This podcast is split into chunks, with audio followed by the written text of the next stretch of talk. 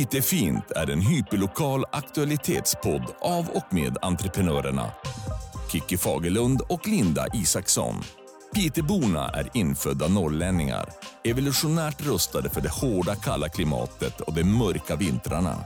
Här håller vi oss mätta genom att äta orimliga mängder palt. Då kör, då kör vi Linda! Exakt! Okej, vi är på plats igen i inspelningsrummet på Framtidsspionelska. Och jag har en väldigt, väldigt eh, spännande och trevlig gäst med oss idag. En tydlig Peter-profil. Ja. En charmant man. Vem ska vi gissa? Enligt Youtubes eh, kommentarer så var det väldigt många som ville ha den här mannen som pappa. Jaha, jag trodde du menade som ville ha honom som... Man. Ja, men det är Ja, kanske. säkert en Det är en, drömpappa. en generations... Exakt. Vi är ganska högt i tak här. Ja, just det. Nej, men varmt välkommen Micke Holm. Tack så mycket. Tack så mycket. Det var ju en fin presentation. Ja. Att det finns barn där ute som vill ha mig som pappa. Var Ja, så, fantastiskt. så unga de inte. Nej, jag vuxna. Jag fattar det. Oh. Men det var som, vilken pappa? Ja. Det där talangframträdandet. Ja. Mm. Vad händer i livet nu?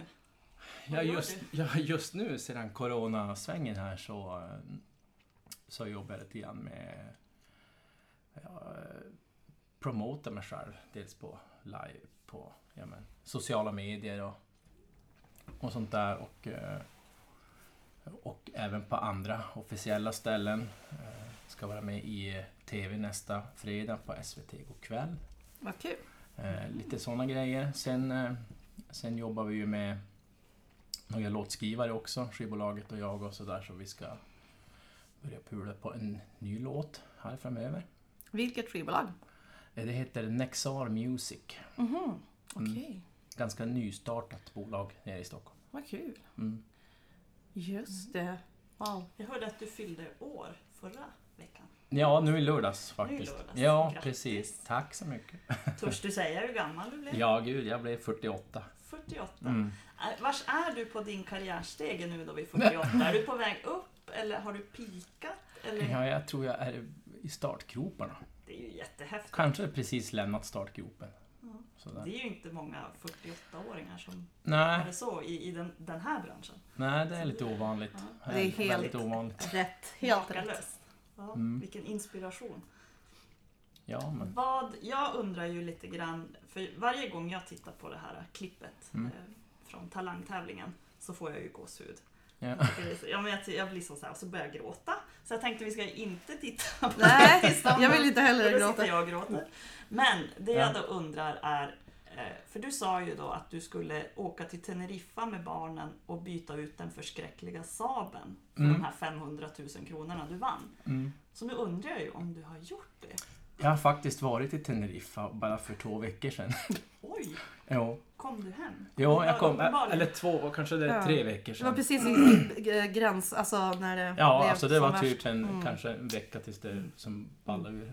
Farsan och hans sambo är ju kvar där. Mhm. Och eh, de är ju i karantän. De skulle hem den 31 mars. Och sen den 21 april. Och sen den 5 maj. Men De får inte... De sitter på en balkong där. Ja. De, de går väl ingen större nöd på dem, men de börjar, börjar vara lite Ja. uttråkade. Men, men det är ju så, jag menar Spanien har ju de, de värsta eller har ju väldigt strikta regler så att det är ju inte roligt även fast du liksom, ja ja, det är ju, du är i värmen liksom Mm. och det är mysigt men det, det var ju som, jag har också en moster som brukar vara i, i Sydspanien på vintrarna. Hon och hennes man. Men alltså de har ju, de begav sig hem till slut, alltså med bil då. För att jag menar, det fanns knappt några affärer öppna Mm. och jag menar restaurangerna är ju helt stängda. Det finns ju ingen glädje och kul att vara där ändå. får väl knappt lämna Nej, de rummet. fick inte Nej, gå de- ut tillsammans ens de bor ju i ett lägenhetskomplex med, med, med, som är inhägnat. Men, men eh, Mm. det är vakter där. Så att de får verkligen det. Så att de har ju varit där ett halvår så de är ganska sugna på att ta sig hem. Vad, är Ja. det, vad är det för förskräcklig Saab du har då? Ja, jag hade. Mm. Hade-. Ja, alltså på väg upp till Övertorneå i somras på ett eh, eh, på en spelning där i Jåksänge så skar Saaben. Mm. En mil före Jåksänge. Och jag lämnade den där. Och hämtade den tre veckor senare och körde den direkt till Stena. till skroten helt enkelt. Så att då var det färdigt med den. Mhm. Så jag har inte skaffat någon bil än. Vad var den för årsmodell? Det var en 02 Saab 95. Aha. Så är du, du har koll på Ja, sånt? vi har en Saab själva. Okej. Den är från... Ja, den är en veteranbil nu, men den går väldigt bra. Mm. Den har däremot inga moderna finesser. Nu, kan jag, nu ska jag inte säga vilken årsmodell det är, men det är alltså 90, början av 90-talet. Okej. Den Mm. är bajsbrun i, i superfint skick. När man åker med min 13-åring till Max drive-inen Ja. där och så börjar man veva ner rutan för hand. Hon bara, åh gud jag dör mamma sluta. Ja, just det. sluta. As, Finns det inte ens en knapp för rutan? Men det var inte en så gammal sak. Den var lite... Nej, okej. Du, du Nej, nej lite- gud. Min, min var lite... Jag hade, den hade back bland annat så att, Ja. eh, den var ganska utrustad ändå. Ja. Jag håller med dig, jag skulle också byta ut Saaben om, jag, om jag vann lite pengar. Mm. Det jag tyckte var lite roligt när jag läste lite grann. För det första blev jag lite chockad att du inte har en Wikipedia-sida. Är du medveten om det? Jo, jag, Det får jag, man fa- inte göra själv ju. Jag är typ. faktiskt medveten om det. Jag tror eh, det var min syster hon, hon, eh, som tänkte på det där först, eller påminde mig om det där eller något Ja. sånt. Men jag, jag har inte engagerat mig i det där. Låt För det mig... finns ju andra. Det finns ju en Mike Holm i, i USA. Ja. så här senator eller någonting. Och så Mm. fanns det en Mikael Holm som var någon tysk eh, Sångare. sångare. Ja. Ja. precis. Men Mhm. ingen, ingen Mikael Holm som har vunnit Talang och... Nej, Ja, vi får väl styra upp det då. Ja. Men det jag tyckte var lite roligt i alla fall, det var ju att eh, då läste jag en artikel i en ganska liten tidning om dig. Mm. Där du berättade om din bakgrund. Det är Mm. som intressant att du pratar om det här nu med coronakrisen, att det är ju ett problem i din karriär just nu. Mm. Men var det inte så att det var en annan kris som var början på din karriär? Där på 90-talet när vi hade finanskrisen. Ja, så kan man faktiskt säga. Ja, så är det. I, i början, på, kring 92, 93 där. Så... eh, Då är det ju så, jag började ju 90 på SCA. Mm. Och så kom den här lilla krisen då. Och då var det ju sist in först ut. Mm. Så då vart vi arbetslösa ett tag och då hoppade jag på den här musikutbildningen. Så det var ju som en liten game changer Mm. Mm. kan man säga. Vilken var det då? Jag har inte den, läst den den. krisen i alla fall. Ja, vilken utbildning var det då? då? Det, det var en eh, musikutbildning för musiker på Medborgarskolan. Ja. Eh, och jag var ju ut musiker. Jag har ju som inte varit det fram till nu egentligen. Men eh, de behövde sångare så jag hoppade på det där då. Mm. Ja. Right. Sen har det ena lett till det andra. Eller ena lett till det andra men jag har ju som haft egentligen bara två band efter det då som jag har spelat med, ganska mycket. Och det är ju Storstryk och så ett band som heter The Pubvelters. Un- underbart inte spelat så namn. mycket lokalt va? The Pubvelters, vi Ja, spelade eller- jättemycket här. Eh, typ 95. Okej, nej då var jag pubboll då. Ja, Ja, 95, 96. Mm. Okej. coolt. Men eh, hur, hur har som... Ta oss genom din karriär så. Vad är det som gjorde att... Nu förstår jag att det var talang som gjorde att kanske det blev startskottet här. Men varför har det inte kommit tidigare då?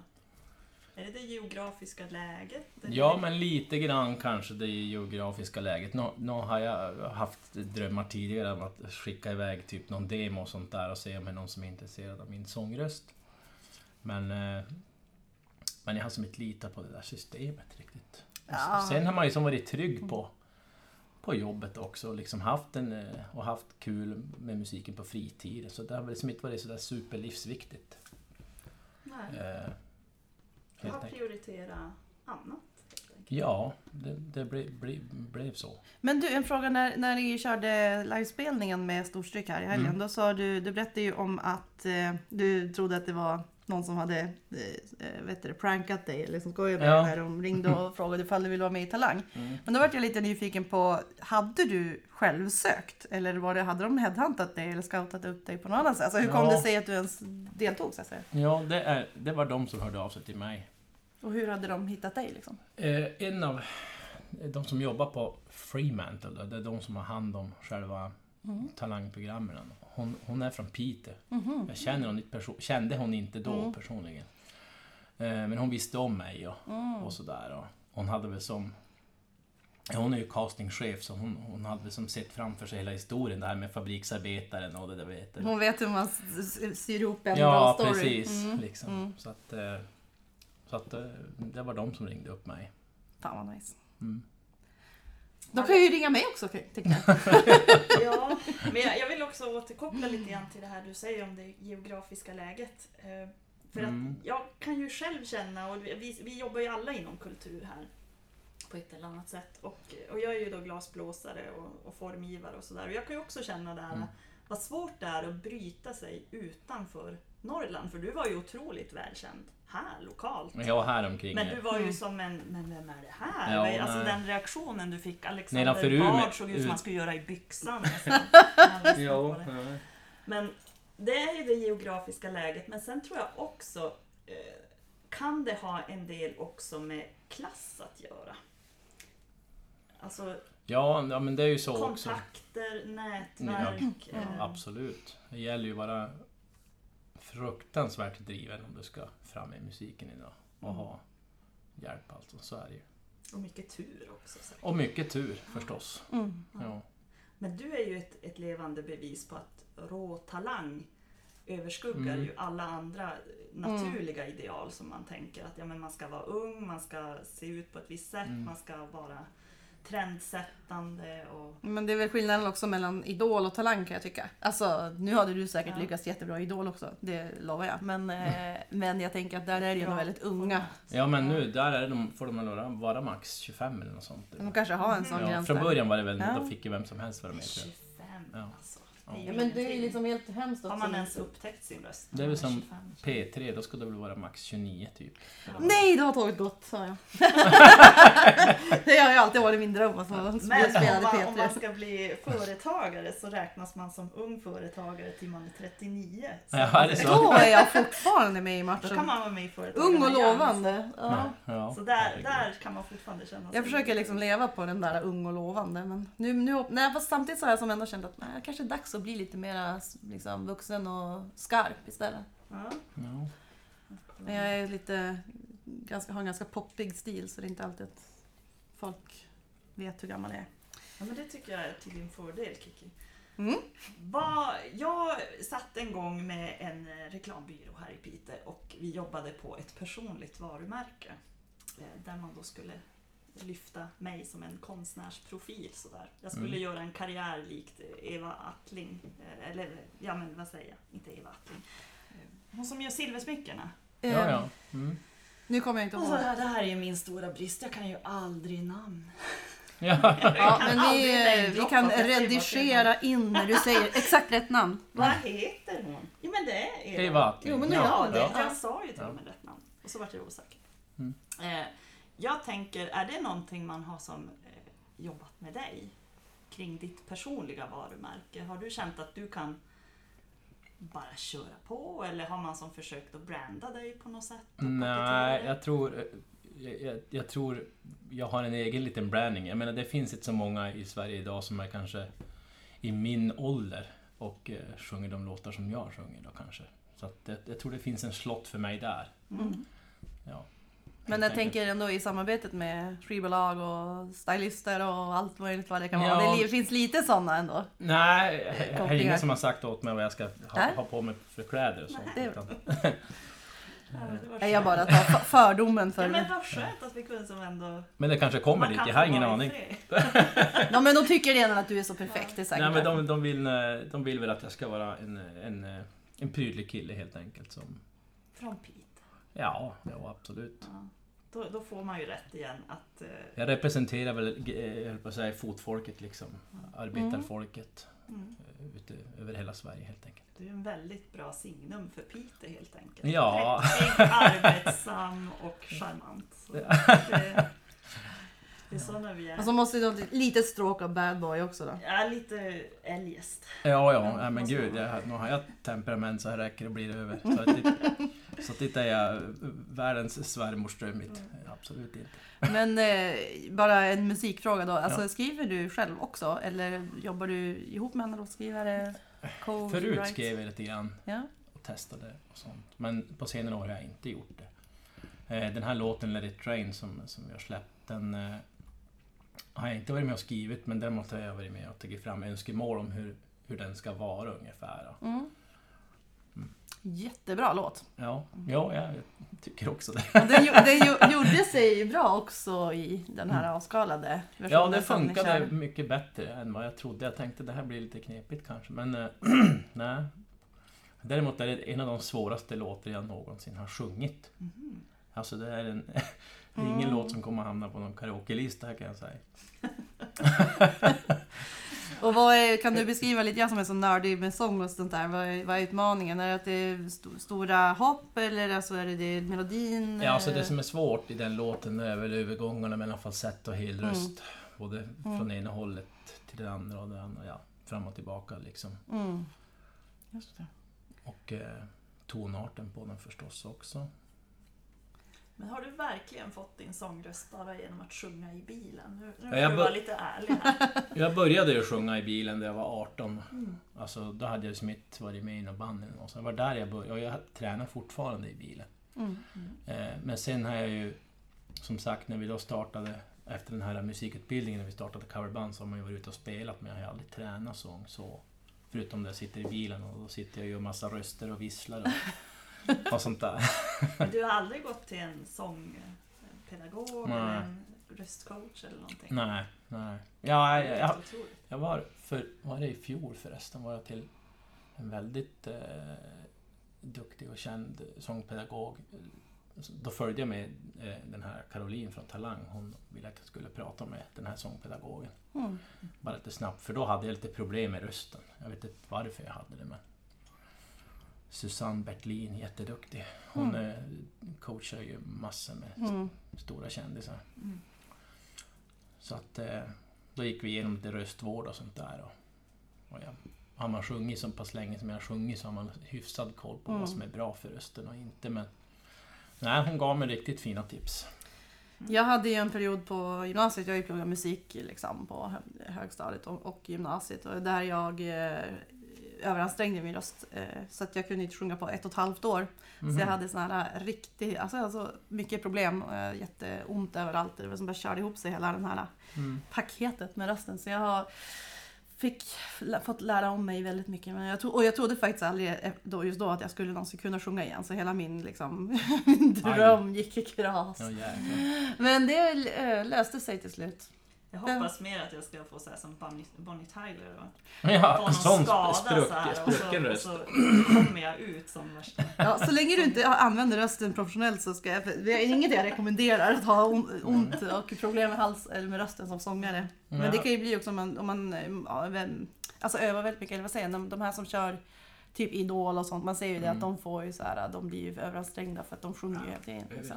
Ingen Alltså, teknik. Herregud, har man spelat fyra dagar på raken i, på Skellefteåfestivalen eller på Dans och och kört fyra set per kväll. Just det, det märks. Eh, det är ju klart det känns, det sträcker ju ut stämbanden och man tror varje dag, dagen därpå att det här kommer aldrig gå att starta om men lik förbaskat så, så gör man ju det. För att man sjunger på rätt sätt. Men enda gången jag haft problem, riktigt problem med rösten, det var nog i fjol. Alltså vid finalen och sådär. Finalen och så ett par månader efteråt.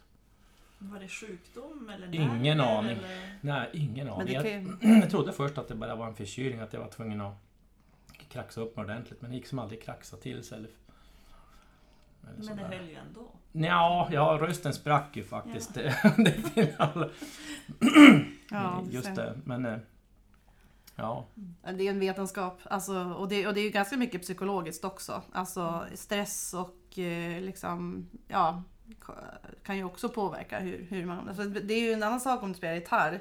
Alltså, eller piano eller någonting, då har du ju instrumentet utanför kroppen. nej, ja, Men ja. det du har innan, inne i kroppen, det, det kan ju bli påverkat av din allmänna liksom, Mm. eh, hälsa också. Det märkte jag i min röstkris, som jag har valt att kalla den för. Ja. Att det var ju som överhuvudtaget en allmän stress. Eh, och så blev det bara värre och värre ju mer jag ville sjunga, desto svårare var det. Jag minns att jag satt på körrepetitionerna för att jag gick i gymnasiet så skulle jag ha körlektioner och så kunde jag verkligen inte sjunga men jag ville sjunga så himla, himla mycket. Så då började stämbanden ändå anstränga sig. Så då fick jag jätteont så jag var tvungen att gå Mm. därifrån för att liksom, jag, sitter jag med bara för att liksom jag ska lära mig att lyssna. Så här, nej det blir bara värre jag Mm. ville så mycket. Så det var jättehemskt. Ja. ja, nej men det är inte roligt. Nej. Men jag har aldrig hållit på med såna här uppsjungningar eller sånt. Jag harklar mig lite grann och nynnar någon minut före sådär. Så är det igång. Ja, Har du ärvt din röst av någon? Har du någon nej. Men, generation ovanför dig? ja, nu, och morsan har ju hållit på mycket med kör här i Piteå då. Mm. Har ju startat upp några körer här. Piteåflickorna och Kvinnoton och vad de nu hette. Mm. Eh, Så så ni hon har ju hållit sjungit på. mycket som barn? Nej, verkligen ingenting. Jag höll på med i- ishockey. ja. Ja just det, hockeykille. Ja, fram till jag var 25. Så. Var det någon sån där äh, grej, äh, jag tänker, alltså att det var lite fånigt att hålla på med att sjunga och sånt som sn- snubbe om man tänker liksom norm. Nej, det tror jag inte faktiskt. In, nej, Det inte var vad inget jag- du nej, tänkte. Mm. nej. Utan jag, jag tror snarare det var ganska coolt att folk som kunde sjunga eller spela gitarr. Jag tycker det var fränt att många av mina kompisar kunde spela bas och piano. Jag var fruktansvärt imponerad. Men du spelar inget instrument så eller? Ja, jag fuskar på, på eh, akustisk gitarr och elbas. Jag- bara då det måste. Ja. Vi kompade ju Erik Gadd med storstycke. Vi kompade Erik Ja. Gadd för, eh, ja vad är det nu då, 2009 Mm. kanske något sånt. Då spelade jag bas. Han är ju, är ju superbaslåtare. Det är ju funky liksom. Ja, jag är funky så att där fick jag lägga ner lite Oh. energi. Men jag, jag gjorde inga komplicerade grejer utan jag, jag höll takten och gjorde rätt grejer. Det är ju nästan oftast, alltså det är, som basist så har du den, liksom, det, det är grund, Ja. grundtonerna som ska liksom sitta på rätt ställen. Ja, Men ja, häftigt. Jag fick en bas när jag fyllde 40. jaha. För att jag har alltid trott att jag är basist. Jag har bara aldrig spelat bas. Nej, nej, nej. Okej. Ska- Nu har jag en bas och min sambo är ju så här. Ja men han har ju som han har skitlätt för att lära sig instrument och grejer. Ja. Han kan som bara ta i det lite grann och så bara ja men och så tar han ut låtar och så hör han hur det ska Mm. vara. Mm. Och jag blir ju då så här, jag måste börja om från början, det måste vara superstrukturerat. Ja, just det, har är lite ju rationellt. Och, ja, jag är väldigt sådär, ja men nu...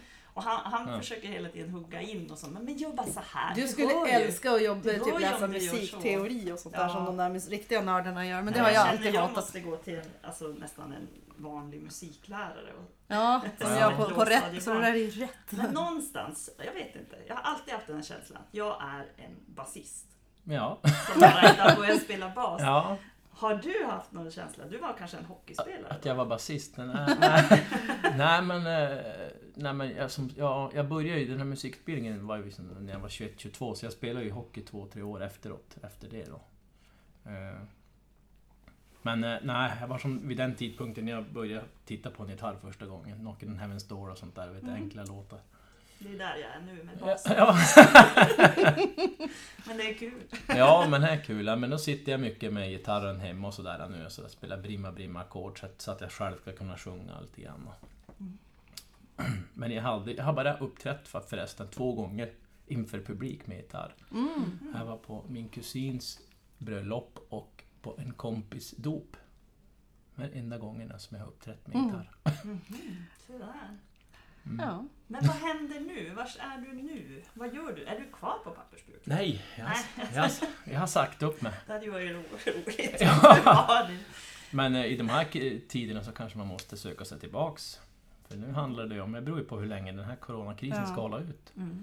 Och eh, smör på bordet måste man ju ha. ja, verkligen. Så att... eh, Men eh, du, det blev ju succé för eh, Storstryks, eh, alltså den här Hemmingsmark, vi sa det där, Mm, eh, gigget. Eh, ska ni göra det igen? jag vet inte, alltså jag... Jag fick ju den där idén att, jag, att vi skulle göra en sån här grej Ja. just för att, ja men... Att, för att bjuda lite grann till folket som sitter hemma och sådär. Ja. Som en rolig grej också för oss storstrykare. Ni spelade ju lite länge så att vårt musikquiz, vi hade, jag hade ingen koll på det där så att jag får ju hit för att jag ska hålla quizet och så visade det sig att ni fortfarande körde så bara, nej Ja, alltså det var Men meningen att vi skulle köra mysigt. 45 minuter Ja, till en timma, men då kände vi som att gud, vi har var så mycket roligt. kvar. Ja, Ja, ni Så var så vi mycket- jäkla bra. Jag dog typ. Jag var jätteledsen att jag var tvungen att gå. Så hade vi my- mycket, ganska mycket tittare också. Vi hade som 1100 i snitt efter, efter i alla fall en halvtimme var det som kring, var många. Så att det var, det var skitkul. Men det var ju det jag skulle föreslå. Jag är ju digital strateg då. Ja. Eh, Och eh, jag jobbar ju med marknadsföring och eh, det är som en underbar, så det är världens coolaste grej och det är så framgångsrik också att ni får så många tittare. Jag är som, man tittar ju på sånt också. Så, Mm. så ni kanske skulle jag bara pitchar en idé här då. Tänk om ni skulle köra typ att ni bjuder in gäster, så andra Piteå-artister och sånt. Och så får folk swisha eller betala lite via Patreon för att ja. ni gör någon sån här Ta tanken finns faktiskt. Men jag såg också Mm. Navid Modiri, Henrik Jönsson och Aron Flam hade ju nu någon form av Zoom-grej. Samma Mm. verktyg Mm. som vi använde för, eller ni använde Mm. för den här musikquizen. Mm. Just det. Och de hade ju en be- betalfunktion där. Så skulle du Mm. ansluta och kunna prata så Jaha. kostade det så mycket. Alltså Ah. då kunde du som livechatta så. Okej. Eh, Mm. Och skulle du bara lyssna in så kostade det en viss summa. Så, att man, Mm. så det, det. måste ju finnas en sån funktion på det Zoom-verktyget där du kan Det har jag inte kollat upp men det ska jag... Eller Men om man då att, betalar i förväg eller någonting. Men det är ju en, absolut en möjlighet att hålla sådana här För- konserter Mm. där man kanske kan interagera lite grann. För det också. är ju så nu med, med musikbranschen, jag vill bara säga det, att det är liksom, eh, vi är ju en, alltså ni, eller branschen står ju still liksom. Och, Ja. och det, men det är ju ändå nog svårt för artister och sådana som inte är liksom megakända att få betalt och sådär. Alltså, men att jag Mm. tänker kan man hitta liksom någon, frågan är ju om det finns en betalningsvilja från folk. Eller om man Ja, det, det det gratis. var ju många liksom. som frågade om de inte kunde få Mm. ett telefonnummer att swisha till. Det var Och det var ju Mm. skitkul. Och det var ju till och med någon som sa Hallå, nu vill jag faktiskt tvångsswisha. skrev ju någon som skrev. Så det var ju skitkul. Eh,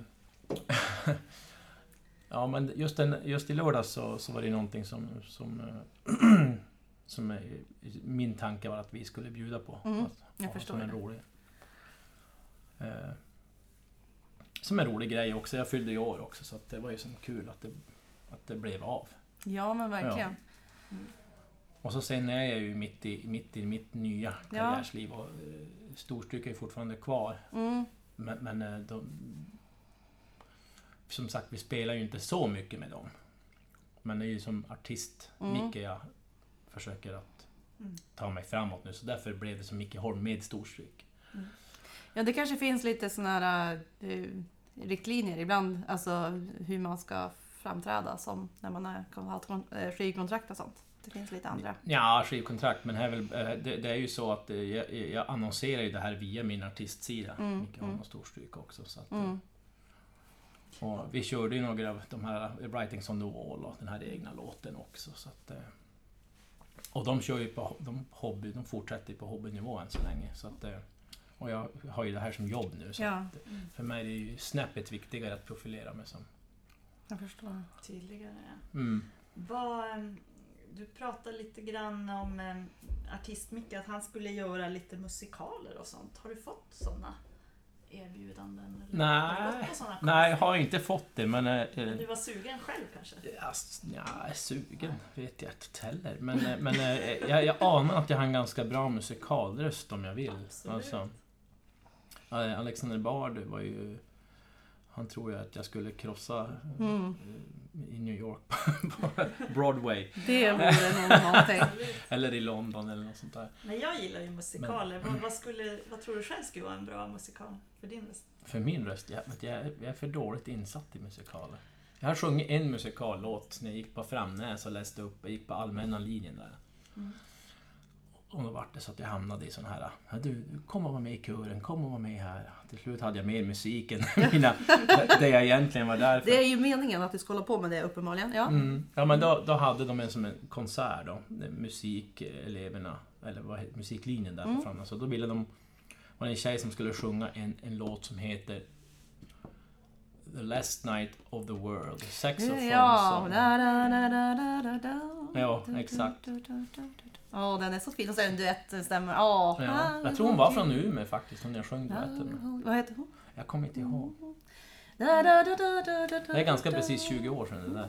Kan du den Ja, fortfarande? eh, vad är det? A song Sing with a simple mm, Plain on the... It's a simple saxophone It's telling me To hold me tight And then this is the last night of the world. Ja. Ja, Den är från eh, Sa- Miss Saigon. Just det! Jaha, Ja, du kan ju det. Den har Jag inte har jag sett. Nej. Jag vet tänkte ju automatiskt Chess. Ja, ja, nej jag har som jag. sagt ingen, ingen. Du kanske skulle klara, eller klara, du skulle, Jesus Christ. Jesus. Jesus Christ, Ja. superstar. Ja. Den- ja. Jag har sett den i Stockholm, den har jag faktiskt sett utomhus eh, ute på Farsta strand i Stockholm för ganska många år sedan. Det är ju väldigt Med eh, Fredrik Svahn och de här. rolig musik. Jag såg den. med Ola Salo Ja. i Stockholm. Den Ja, just det. Läcker. Jättebra. Ja. Eller Kristina från Duvemåla. Sound of Music, vilken ska vi ta? Ja. Fantomen på Operan. Nej men det är roliga låtar att sjunga, musikallåtar, det är det ju. Mm. Absolut. Ja, det är ju bra utmaning för rösten. Alltså. Jo, absolut. Men Och så just få skådespela också, det blir ju ytterligare ett lager. Och Nej. kanske dansa. Men Nu ska Alltså- jag säga, nu, nu börjar jag mitt så här. Alltså jag sitter bara och tänker så här, vad heter gubben som snortar och Nej, sjunger i chess? Tommy Körber. Snortar han också? Alltså till vardags Ja, eller? förr i tiden kanske var det väl lite känt. Typ Jaha. Kolas 70. gubbe. Jag Ja. är lite för ung för det. Ja. ja, jag tror inte nu kanske. Ja.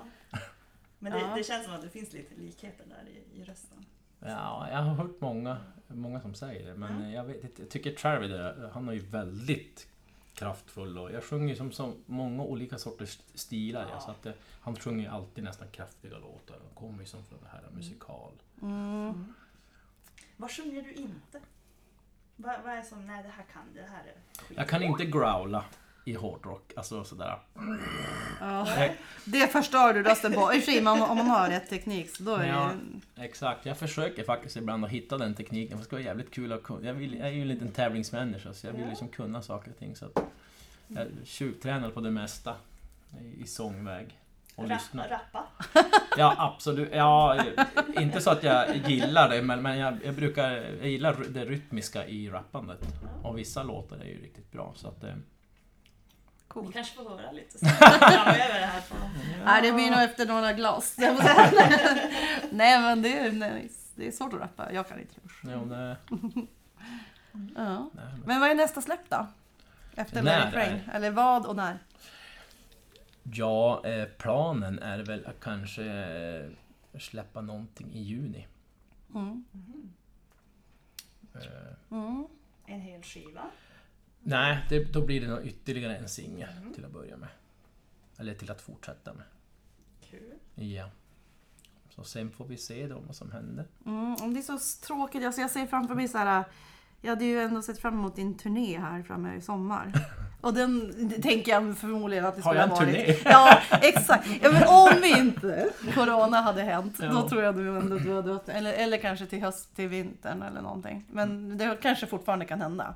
Vi får hoppas ju att det ge- ger sig Ja, det här. Men Så att du kan få ut och det är ytterst gigga. viktigt att det ger sig, den här coronagrejen. Mm. Men viktigt att vi rider ut den allihopa först. Hela stormen där. Mm. Ja, Mm. precis. Gud. Så läskiga tider. Mm. Men på ett sätt har jag märkt att det är som lite intressant om man ser på medievärlden. För nu, om man sitter till exempel på Facebook Mm. och så börjar du på en live-video och så kollar du, fortsätter. Mm. Det är massor med folk nu som exploderar och börjar hitta på att sitta och spela gitarr. De kan inte spela, Mm. de kan inte sjunga, men de, de, Måste jag? och en del slår igång bara en telefon och så försöker de jonglera och så här som... den här, det finns ett sug efter bekräftelse och eh, kreativitet Mm. hos, eh, hos folk som är eh, väldigt intressant att se. Mm. Kultur är en superviktig grej. Mm. Ja, och att vi kan ändå känna att vi är på något sätt tillsammans också. Jag menar, jag menar det ni gjorde med spelningen, det kändes ju väldigt nära och äkta och fint liksom att man fick hänga med eh, hos er. Och sen körde vi det här quizet, det var ju också det att där hade vi ju det var, jag hade ju hittat, kommit på en sån smart lösning som gjorde att det funkade. Det var ju att i Zoom då så finns det ju att man kan dela datorns ljud. På samma sätt som man kan dela Jaha. datorns skärm när man har såna här möten. Ja, ja. Så att då går det ju liksom att, som Linda var ju med, du satt ju hemma hos dig och liksom, men och då kan ju vi presentera frågor och allt sånt där och du får höra bara en låt och så får du gissa. Annars Mm. är det ju lite sådär, ja hur ska man annars kunna hålla det hemligt liksom, vilka låtar Ja, man spelar. precis. Ja men bara en sån här liten teknisk pryl öppnar ju upp då för en massa. Och sen ser man ju också de här som kör när de sitter flera, det är typ flera hela orkestrar som liksom sitter med varsin lägenhet och spelar samma Mm. låt. Och det blir världens jävla drag alltså. Ja, jag, hörde eh, en, en, som gitarristen från, jag var inne och gjorde en sån här julshow nere i Göteborg. Med Pontar och Lisa Miskovsky och Ja, sådana där. just Och då gitarristen såg jag, han var med i, ett projekt där de körde just sådär. Mm. De stod nio stycken och spelade gitarr och blåste och hade så. Då hade de... Var det en som hade startat eh, eh, och skickat ut med klick då. Ja. Och börjat spela och så hade de andra lagt på bara. Så sen har de synkat ihop alla videorna gett då. ja, för det är ju inte live live. Utan det, Nej, är- det är nej, ändå att de precis. har... För det, var, det hördes ju att det var mixat. Jag tror jag hörde samma. Man hörde folkmusik som var så jäkla svängigt. Det var som lite folkrock. eh, Ja, det här var någon- instrumentalt. Det här var någon discolåt faktiskt. Ja, det var lite disco. Ja, men det Ja. kanske ja, precis. För det hördes ju att det var på något sätt mixat men... Mm. men eh, Sen gjorde de ja, samma sak med, för de här gitarristerna, basisten och eh, kapellmästaren Mattias då. De har ju spelat på The Weeknds senaste platta. Då. Mm. Så då, då, då spelade de en låt som heter In Your Eyes. Och hade, den är jättesvängig! Eller Ja, jättebra. Mm. och då hade de gjort samma sak där. Att med alla som saxofonisterna spelade, stod för sig. Och, Men alltså det är ju egentligen är ju... Vad är liksom... Vad händer med musik eh, skapande och Mm. musik jag tror det kommer att säljas mycket sånt här nu framöver. Ja. Bra mikrofoner, Yes. bra ljudkort och, Ja. och, eh, och, och kanske, eh, eh, vad heter det, eh, kamera, vad heter det? En Webbkamera, Ja, typ. jo verkligen. Det är ju det. Alltså jag har ju till och med köpt nu en sån här liten konferens eh, rund liten Ja. högtalare och mikrofon som man kan ställa Mm. på bordet bara så att man ska kunna prata med släktingar och hela familjen. Ja, just Istället för det. att annars är man ju van att man sitter själv med sina hörlurar och så Mm. Ja, pratar och skypar. Ja, det blir ännu mer interakt Ja men då hör interaktivt. man alla och all, ja, det blir Mm. bättre, bättre upplevelse.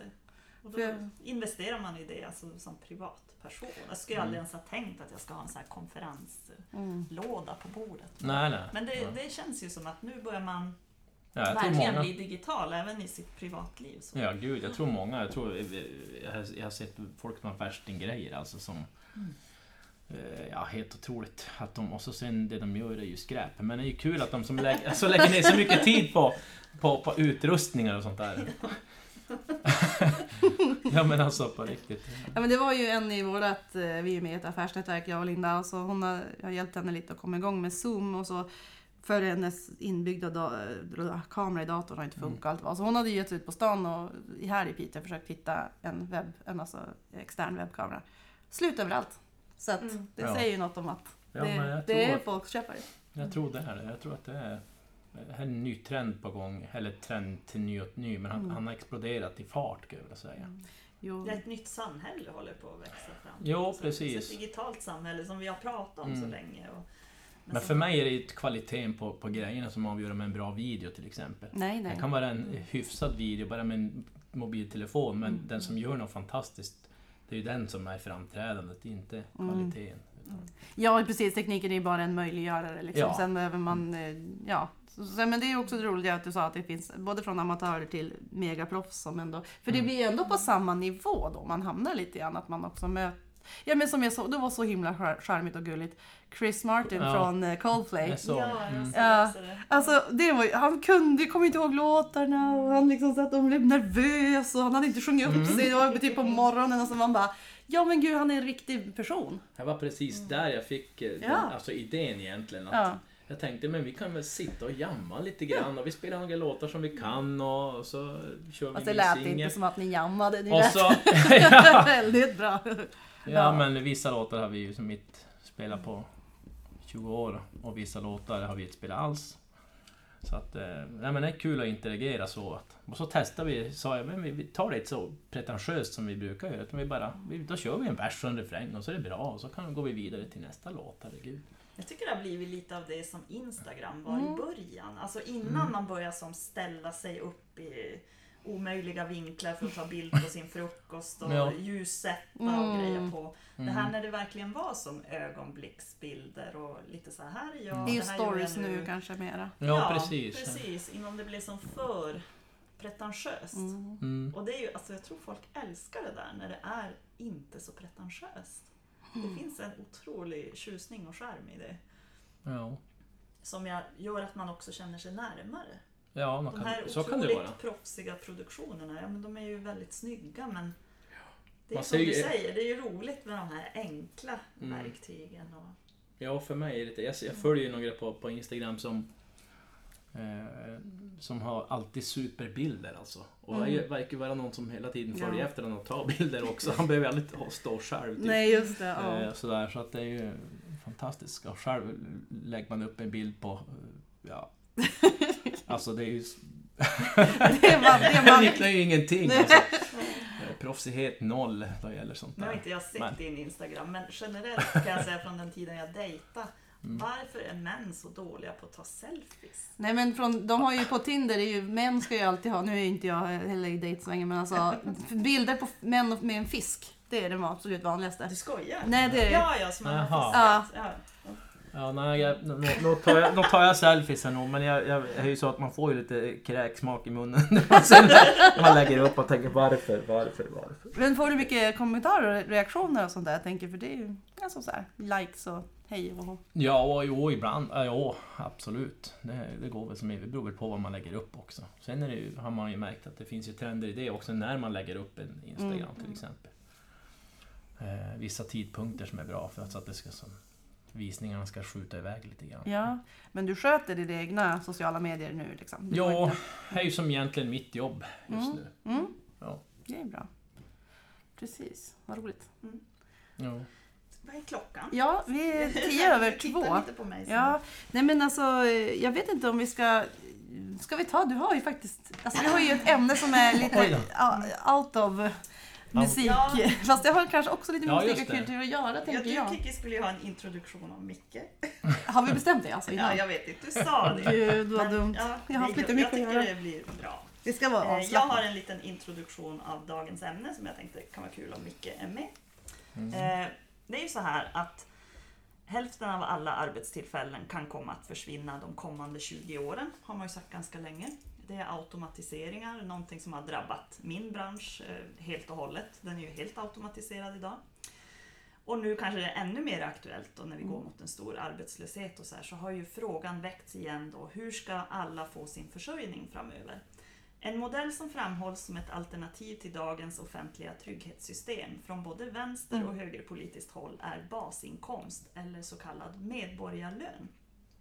Tanken är enkelt uttryckt att slå ihop alla offentliga sociala försäkringar och att staten istället ger samtliga vuxna medborgare över 18 en fastslagen summa varje månad utan krav på motprestation. Spontant Micke, vad säger du? Det låter ju helt galet. Galet! Ja, men alltså... eh, Brodera. Innan, ja, men alltså, innan man vet eh, ut, utvidgningen av, av, av den här arbetslösheten. Mm. Du tänker kostnaden för staten? Ja, precis. Ja, Det är ju en stor statlig kostnad och från Jag tror- liberalt håll så pratar man ju mycket om att dels ersätter det ju andra former av bidrag som administreras statligt idag. Alltså socialförsäkringen, Mm. socialbidraget, föräldraförsäkringen, Ja, pensionen Mm. delvis. Eh, sjukpenningen, diverse sådana bidrag. Och sen har man en ganska stor kostnad för att administrera dem också. Man kan ju lägga ner Försäkringskassan typ. Ja, det är ju en hel hög med... Mm. Men alltså hur tänkte och utan mot prestation, hur, hur kan de veta om jag då får 10 000 kronor i månaden? Mm. Och så startar jag ett företag och så gör jag något. Hur, hur, Du får tjäna hur mycket pengar du vill utöver det. Ja, Det är ju ja. inte begränsat i att du, du, du blir ju inte handlings... Utan eh, oavsett vad jag jobbar med Ja. så ska jag få 10 000 extra. Mm. Men, eh, jaha. Hur ska, var, var ska de pengarna komma in i, i statsbudgeten då?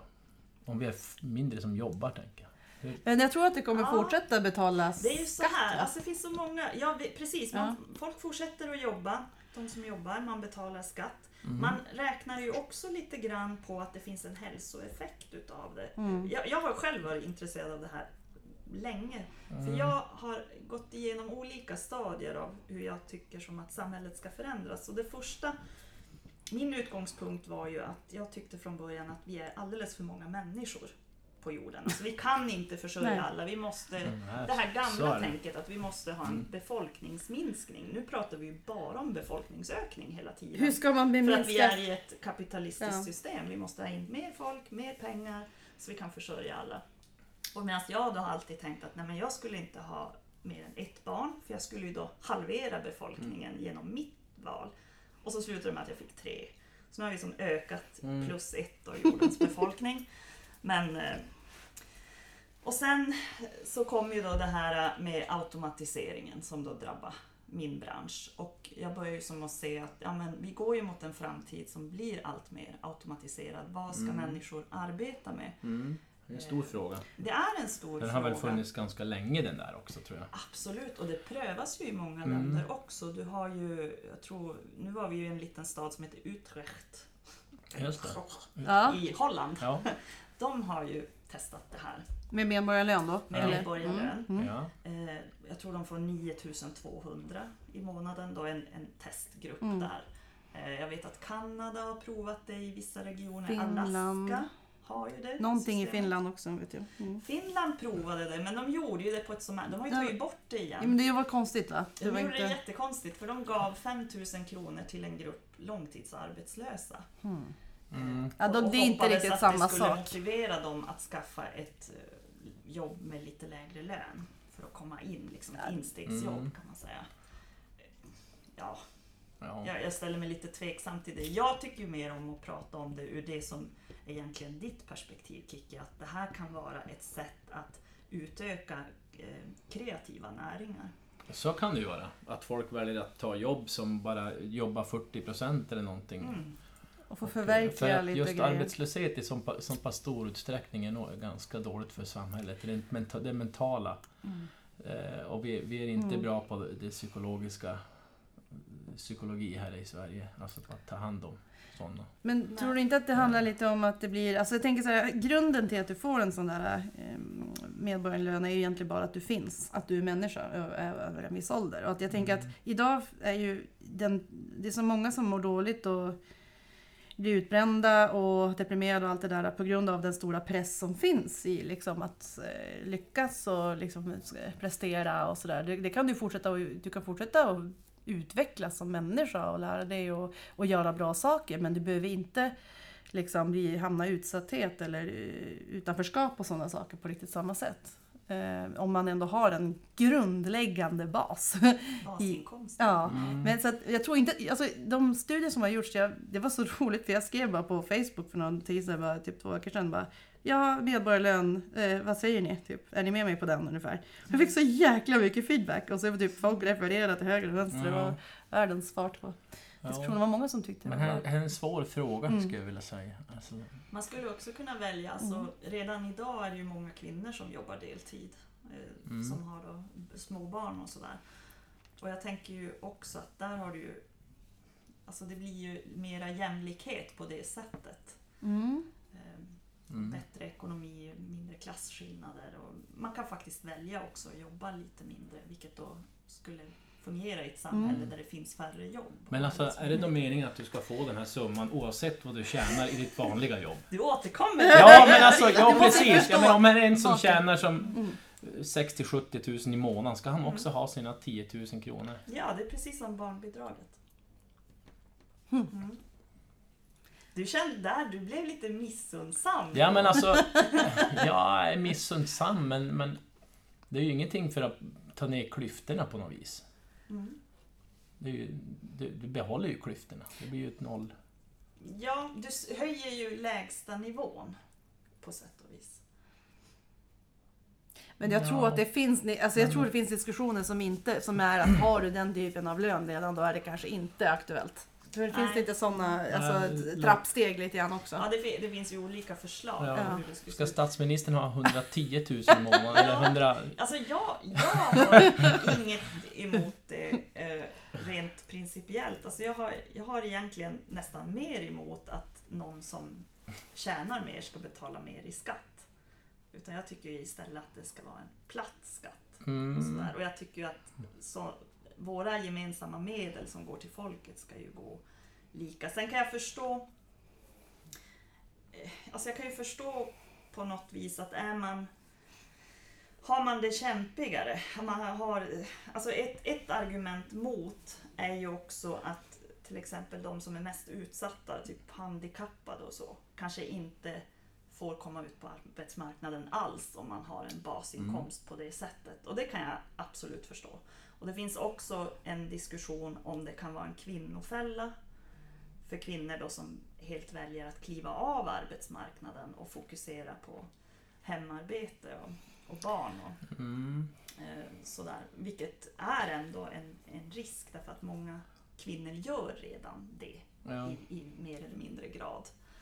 Men det handlar ju om att alla får Och det, välja då själv. det ju mera. egentligen. Ja, och där är jag lite Mm. för. Så här. Jag tycker är ja, men då får väl folk välja det då. Vill man vara hemma Mm. och, och bara vara hemmafru, okej. Men det kommer nog bli Vill väldigt man många använda det för att hemmamän ha också. en liten musikkarriär vid sidan om som går lite sådär men man kan ändå jobba på. Hur många Ja. procents arbetslöshet är det tänkt att det här ska gå in?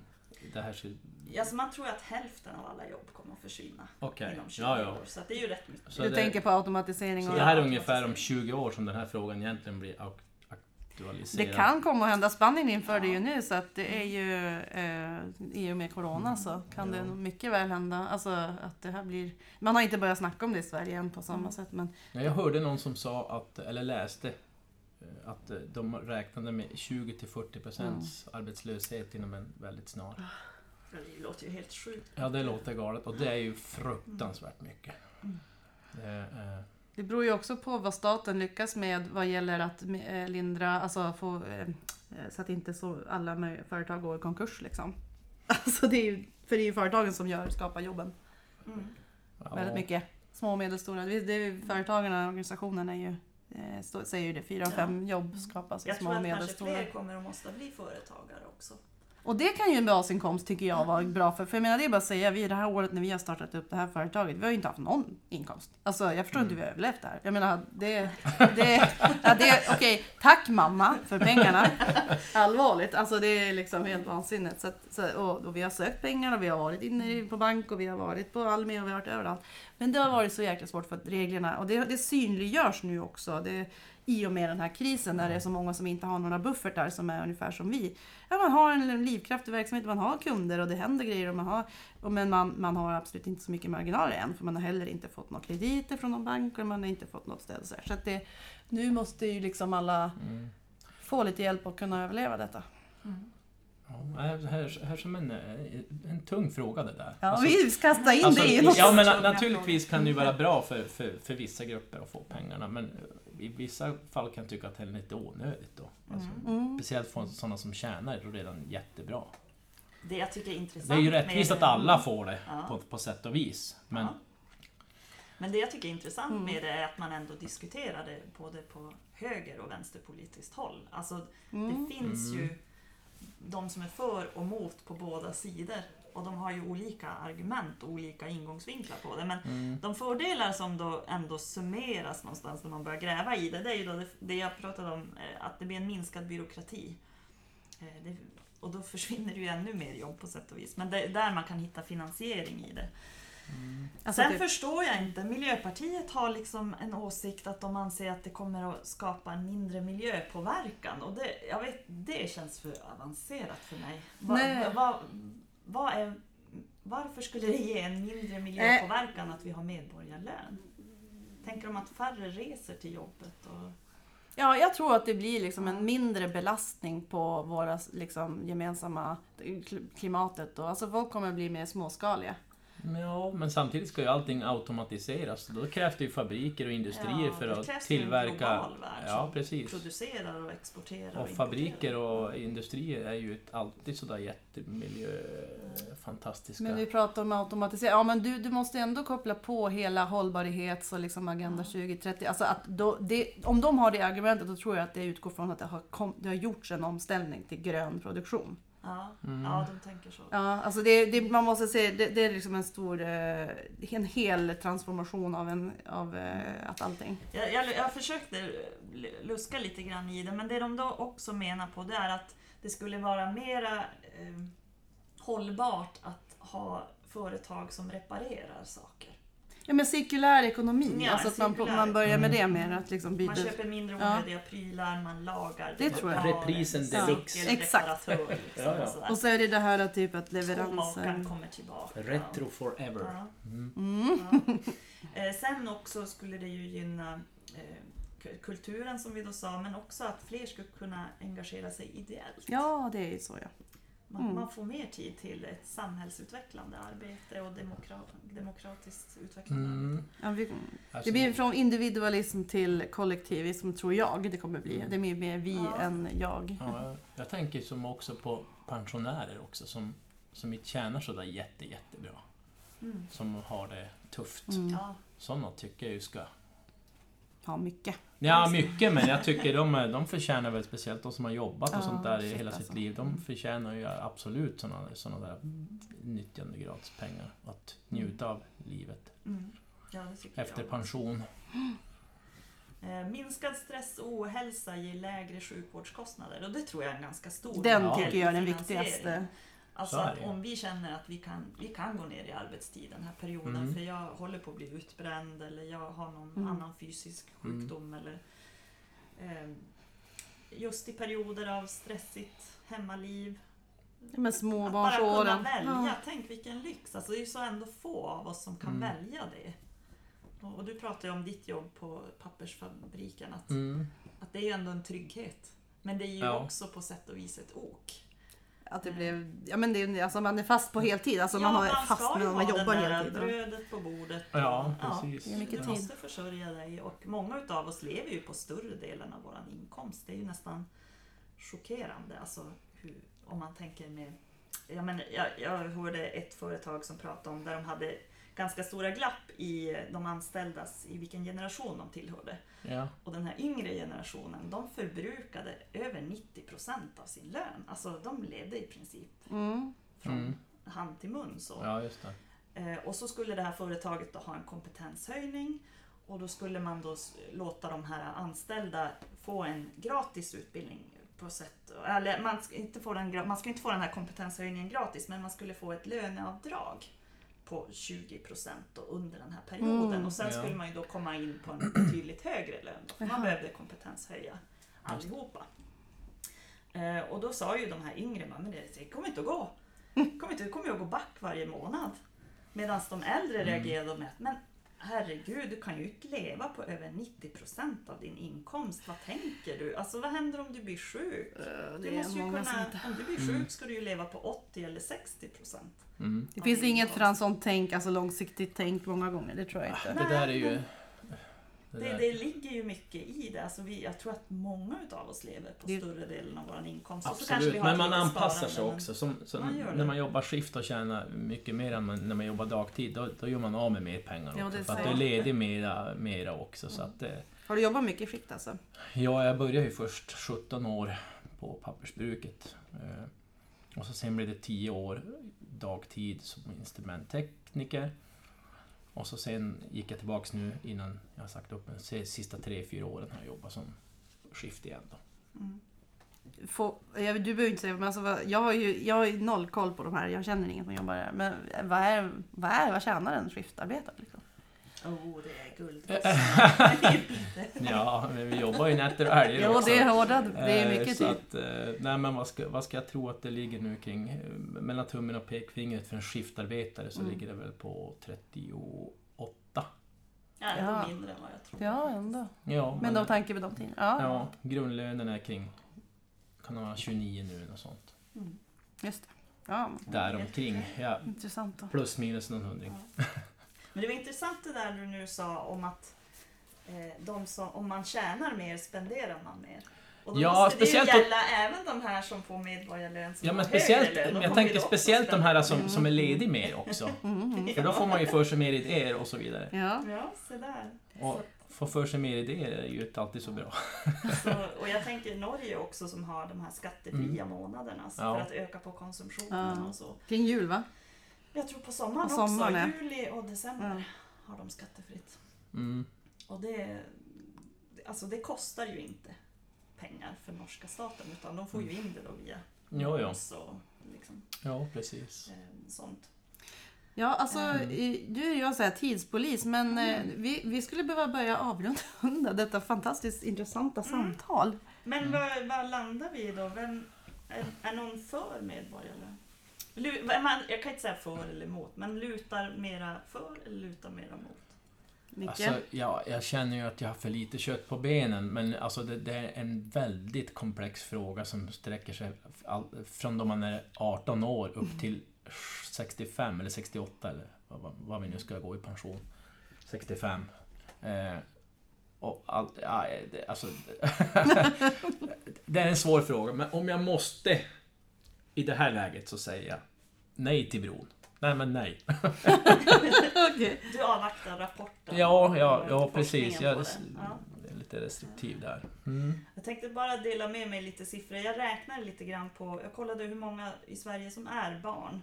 Och det är 2,4 miljoner. Så det är ungefär eh, strax under 8 miljoner Mm. som skulle då ta del av det här. Mm. Och om vi då säger att det ska handla om 10 000 i månaden, för jag tror det är ganska verkningslöst om det är för lite Mm. pengar. Eh, då är det ju, eh, det här hade jag jätteproblem med, alla dessa nollor, vad det faktiskt Det är miljarder. Men jag kom fram till, för jag Ja. googlade då, hur många nollor är En miljard. Så 79 miljarder per månad skulle det här kosta. Det låter ju Mm. sjukt mycket, eller hur? Ja. Eh, hela statens budget är 1116 miljarder. Mm. Det är inte så mycket av det egentligen. Om man tänker också på vad man tar Ja, bort för men det är någonting. varje Ja. må- 79 Ja, i och för miljarder sig. varje månad. Liksom. Men Och då det är då frågan hur, Mm. vad det har för effekter på andra delar och sådär. Så det är ju klart att det är Vi är ju inga nationalekonomer då, men... Det är jättestor, jag är verkligen inte, jag hade inte bra i matte men eh, det är ju en väldigt stor eh, samhällsomvandling att gå Ja. över på det här systemet Men, eh. Men det är ju Ja. väldigt intressant. Däremot, jag tror inte, precis som företagare som jag är så tänker jag att finansieringen kan ju aldrig vara det största problemet. Om det är en bra idé. Mm. Däremot är ju jag lite orolig för de här nackdelarna som man ändå är, tittar lite grann på. Att det kan finnas, att det blir en kvinnofälla Ja, eventuellt. nej, jag tror att fördelarna... Alltså, jag, jag, tror också överligger. att man har pratat lite grann om att det kan leda till sänkta ingångslöner. Och då får man ju Mm. ändå de här lite... ja, ja, så, då blir det inte vara. det här klasslyftet för de som är längst ner ändå. Att man får mer att leva för, bättre livskvalitet. Utan då blir det ju som... Ja, ja, Då så blir det ändå det. ett glapp där. Ja. Eh, och så frågan också, vem ska utföra viktiga, slitsamma Mm. och dåligt betalda yrken? Till exempel som min sambo gör, som är sanerare. Vem, det är ju knappt någon som vill... Jag kan säga att där söker de alltid folk och där kommer det aldrig någon att söka jobb.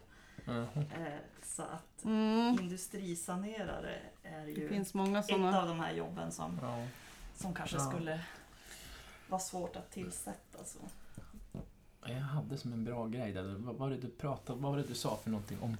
Miljarderna. Ja, det var strax efter miljarderna. Det är så sjukt, när man ser så många nollor, man fattar inte. Ja. Alltså vad är en miljard? Nej. Biljon och ja. Nej, men jag tror det är viktigt överhuvudtaget att, att Sverige går ihop på något vis, alla vi som bor här. Och att eh, vi sk- skiter i de här gamla politiska ide, ide, idealismerna och startar om Mm. Är från, från nytt lite grann och, eh, och, och fixa, fixa det här, Mm. löser det här på något vis. För annars kommer det bli en röd, grön, blå eh, Nej. rö- röra Ja, men partipolitik är som ju kastar inte... bara skit hit och dit. Utan jag tror man måste tänka eh, levnad. Alltså. Ja, men vi måste bli, alla måste bli futurister och alla Mm, måste precis. liksom Futurist, inse att, futurist, att framtiden är nu. Och i det här hållbara tänket Mm. också som jag, jag ändå någonstans alltid har haft att, att jag tänker så här när en rik person kör sin fina båt genom kanalen här i badhusparken och så kommer jag i min lilla motorbåt Mm. har vi ju fortfarande samma upplevelse i den där båten. Det skiljer egentligen Mm. ingenting. Allting annat är bara Det är materiellt. dyrare att köra den andra Det är båten. materiellt, man Ja, kanske, han kanske får mer likes på sin Instagram. Fan skit i det. Men du, vet du, Ja. någon som, eh, som jag tycker ska få många likes, det är ju du Micke Holms för att du kom hit. Ja, men tack så hemskt mycket. Och vi ska ju avsluta det här eh, avsnittet med att spela din låt, Let Ja, it rain. just det. Yeah. Eh, så Äntligen en låt som vi får spela. Vi ju- ja, ja men exakt, vi, det är ju det här med STIM och hit och dit. Ja, men, vi håller men på att lösa det. Vi, vi någon söker ju av även sponsor. sponsorer till den här podden. Så är du intresserad av att vara med och sponsra vår podd så kan du ju höra av Ja. dig till... eh, Noll gånger noll är noll tyvärr, så jag är ju... Ja, du, be, du behöver inte sponsra. Du, det vi menar mer de sådana här företag som håller på med till glöm, exempel. glöm oss mm. inte mm. när ni går vidare. Nej, Nej men vi, vi tackar så mycket för idag och eh, helt enkelt eh, lyssna på den fantastiska Let it rain med Micke Holm. Tack så mycket. Tack så hemskt mycket för att jag fick. We all have scars Shapes who we are been down, but choose to get out.